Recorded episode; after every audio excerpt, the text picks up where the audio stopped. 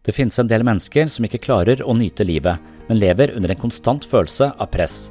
Det er gjennom prestasjoner de føler seg verdifulle, og symptomene er tvang, perfeksjonisme og arbeidsnarkomani.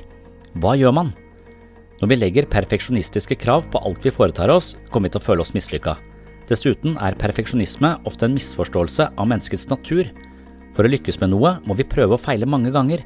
Det er vår evne til å tåle nederlag og middelmodighet som åpner muligheten for å utvikle seg og bli god. Dersom man forventer og krever gode og plettfrie resultater umiddelbart, har man ikke skjønt hvordan mennesket utvikler seg. Perfeksjonisten sliter med krav og strenge standarder som ofte legger beslag på både glede og livslyst. Så lenge vi har et sterkt behov for å ha ting på en bestemt måte som er bedre enn slik det allerede er, er vi engasjert i en uendelig kamp vi per definisjon ikke kan vinne. Vil du høre mer om perfeksjonismens psykologi, kan du ta for deg episode 143 og 176 på min podkast Sinnsyn.